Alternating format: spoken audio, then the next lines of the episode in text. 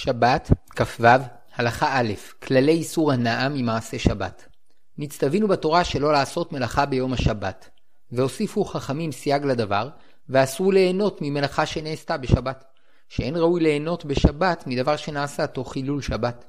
ואין הבדל בין המ... אם המלאכה נעשתה בשוגג או במזיד. בכל אופן אסור לכל ישראל ליהנות ממנה בכל אותה שבת. ויש סוברים שאם המלאכה נעשתה בשוגג, מותר ליהנות ממנה. ויש שסומכים עליהם בשעת הדחק. ובמוצאי שבת מותר לכל ישראל ליהנות ממלאכה שנעשתה בשבת, חוץ מזה שעשה אותה במזיד, שאסור לו ליהנות ממנה לעולם. ואם ילד קטן עשה מלאכה בשבת, אם עשה אותה לצורך מבוגר, אסור ליהנות ממנה בשבת ובמוצאי שבת עד שיעבור זמן שיוכל, שיוכלו לעשות את אותה המלאכה. ואם הקטן עשה את המלאכה לצורך עצמו, מותר לגדול ליהנות ממנה בשבת. ואם גוי עשה מלאכה בשבת עבור יהודי, אסור ליהנות ממנה עד שתצא השבת ויעבור זמן שאפשר יהיה לעשותה, כדי שלא ייהנו ממלאכת שבת ולא ירוויחו דבר ממה שעשה הגוי בשבת. ואם הגוי עשה מלאכה עבור עצמו, מותר לישראל ליהנות בשבת ממה שעשה. ויש מקרים שבהם מותר לרמוז לגוי לעשות מלאכה בשבת, ודינים אלו נתבערו לאל. ולצורך מצווה או כדי למנוע צער או הפסד, התירו לבקש מגוי לעשות מלאכה שאסורה מדברי חכמים. שבת, כ"ו, הלכה ב' איסור הנאה ממלאכה שנעשתה בשבת. כפי שלמדנו, אם עשה יהודי בשבת מלאכה במזיד, אסור לו ולכל ישראל ליהנות ממה שעשה בכל אותה שבת. וגם אם עשה את המלאכה בשגגה, לדעת רוב הפוסקים אסור לכל ישראל ליהנות ממנה, מפני שלא רצו חכמים שיהודי ייהנה ממלאכה שנעשתה בשבת. ויש אומרים שרק כאשר המלאכה נעשתה במזיד אסור ליהנות ממנה בשבת, אבל אם נעשתה בשוגג מותר ליהנות ממנה בשבת, ובשעת הצורך אפשר לסמוך עליהם. אבל חילוני שיודע שהיום שבת ואולי מלאכה זו שהוא עושה אסורה, נחשב כמזיד, וגם לשיטת המקילים אסור ליהנות בשבת ממלאכתו. לפיכך, אם הדליק יהודי אור בשבת, אסור לו ולכל ישראל ליהנות מאותו האור. וכבר למדנו שיש אומרים שבשעת הדחק אם האור הודלק בשגגה מותר ליהנות ממנו, אבל שלא בשעת הדחק, וכן כאשר האור הודלק במזיד, אסור ליהנות ממנו. אמנם דברים שהיה ניתן לעשות גם בלא שהאור הודלק, מותר לעשות גם לאחר שהודלק. למשל, אם הדליקו אור בחדר המדרגות, כיוון שממילא אפשר לעלות בחושך, מותר לעלות באור, רק שלא יעלו במרוצה תוך ניצול האור. ואם הדליקו אור בשירותים, מותר להשתמש כפי שהיה אפשר בלא אור. וכן אסור לסדר בבית דברים שאי אפשר לסדר בלא האור. ואם היה שם כבר אור, שאפשר לקרוא לאורו בדוחק, והדליקו שם אור נוסף, מותר להמשיך לקרוא, למרות שהקריאה כעת קלה יותר.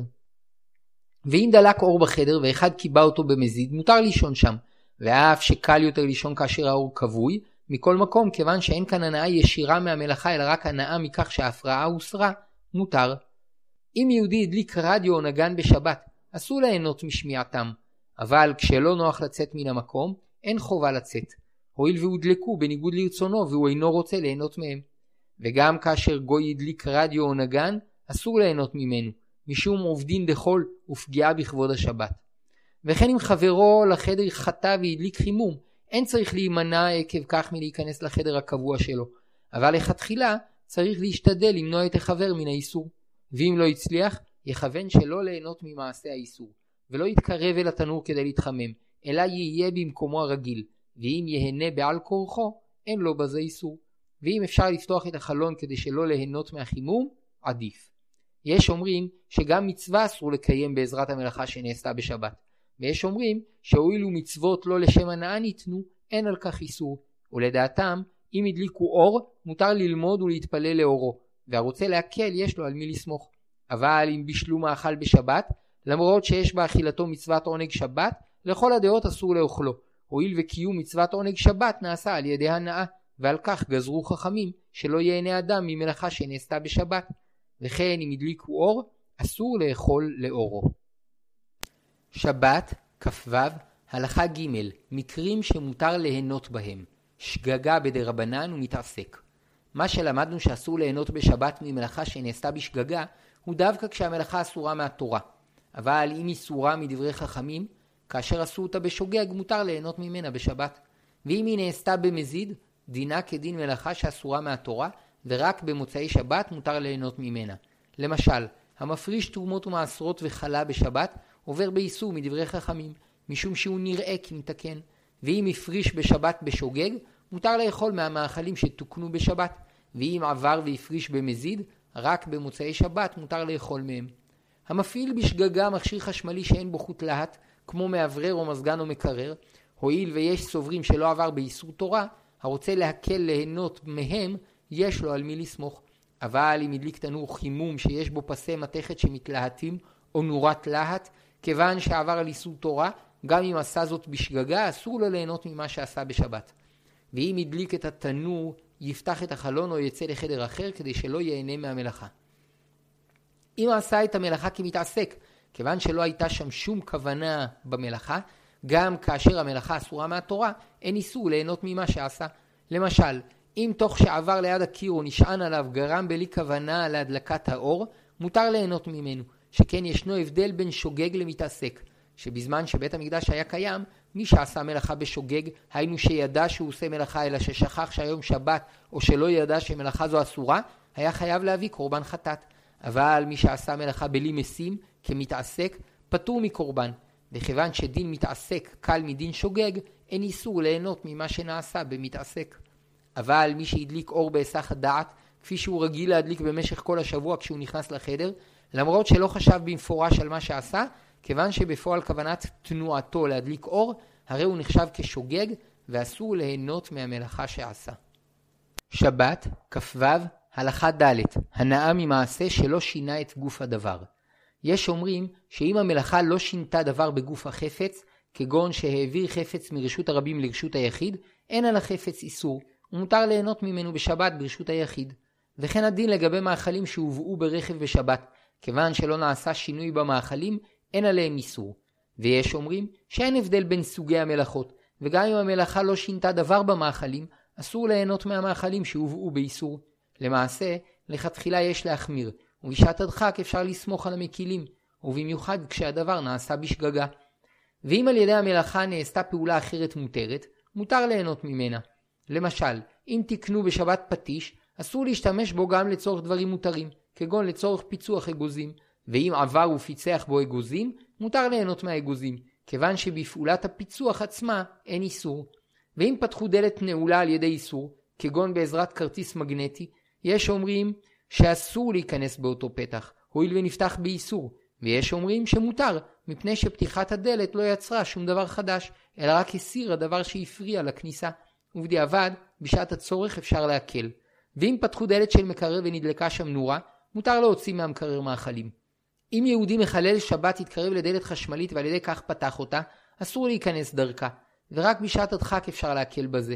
ואם עבר שם יהודי ובלי כוונה הדלת נפתחה, מותר להיכנס דרכה. שבת, כ"ו, הלכה ה' עבר ועשה דבר ששנוי במחלוקת הפוסקים.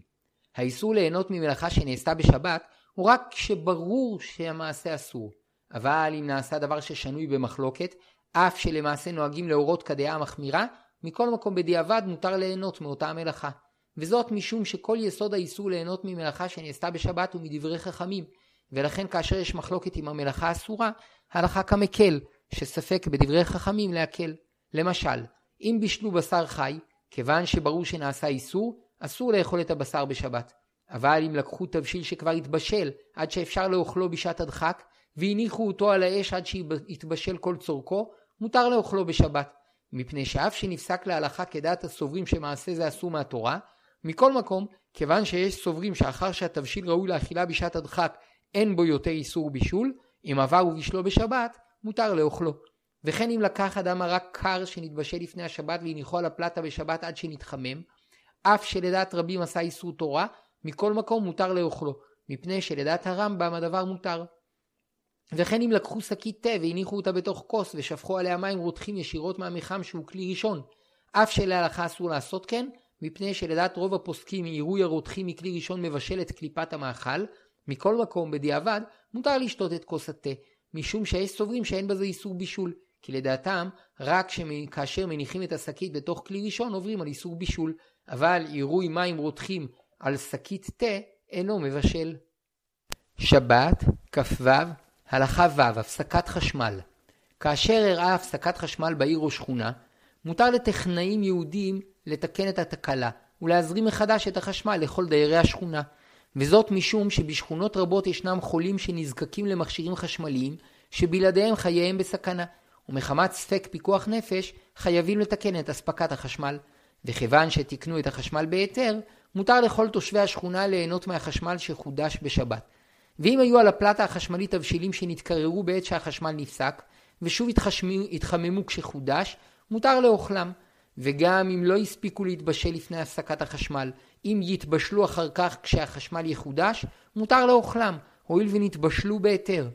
ואם המקום שנותק מחשמל הוא קטן, וברור שאין שם חשש פיקוח נפש, אסור לתקן את החשמל. ואם חידשו את זרם החשמל ותוך כך נדלק אור, אסור ליהנות ממנו ולעשות דברים שלא יכלו לעשות בלעדיו. ואם התבשיל יתחמם על ידי כך, יש להמתין עד שיתקרר ואז מותר לאוכלו. ואם יתבשל על ידי חידוש החשמל, אסור לאוכלו. שבת, כ"ו, הלכה ז', הנאה במוצאי שבת ממלאכה שנעשתה בשבת. כפי שלמדנו, העושה מלאכה בשבת בשגגה, מותר לו ולכל ישראל ליהנות ממנה מיד במוצאי שבת. ואם עשה את המלאכה במזיד, אסור לו ליהנות ממנה לעולם, ולאחרים מותר ליהנות ממנה במוצאי שבת. שאם בישל מאכל במזיד בשבת, אסור לו לאוכלו לעולם, ולאחרים, כולל אלו שבישל עבורם, מותר לאוכלו במוצאי שבת. וכן אם בנה בית ביום השבת, מותר לאחרים ליהנות ממנו במוצאי שבת, ולא אסור להשתמש במה שבנה לעולם, אבל מותר לו למכור את הבית לאחרים. מי שכיבס במזיד את בגדיו בשבת, גם אחר השבת אסור לו ללובשם, מפני שאסור לו ליהנות ממה שעשה במזיד לעולם. והפתרון לכך, שיכבסם שוב ביום חול, ואז יוכל ללובשם. יהודי חילוני שרגיל לעשות מלאכה בשבת עבור אחרים, גם במוצאי שבת אסור לכל מי שעשה עבורם את המלאכה ליהנות ממלאכתו. כי רק כאשר המלאכה נעשית באקראי, מותר לאחרים ליהנות ממנה במוצאי שבת. שאין לחשוש שיבקשו מיהודי לחלל שבת כדי ליהנות ממלאכתו במוצאי שבת. אבל כאשר הוא רגיל בכך, אסור ליהנות ממלאכתו לעולם. למשל, מי שרגיל לאפות לחם בשבת כדי למוכרו במוצאי שבת, גם אם הלחם עשוי מחומרים כשרים, אסור לכל ישראל לאכול מן הלחמים שאפה בשבת. מפני שאם יאכלו מהם, נמצא שהם מעודדים אותו להמשיך לחלל שבת, ונעשים שותפים לדבר עבירה. וכן מסעדה שטבח יהודי מבשל בה בשבת תבשילים לצורך הסועדים במוצאי שבת, אסור לכל ישראל לאכול בה במוצאי שבת.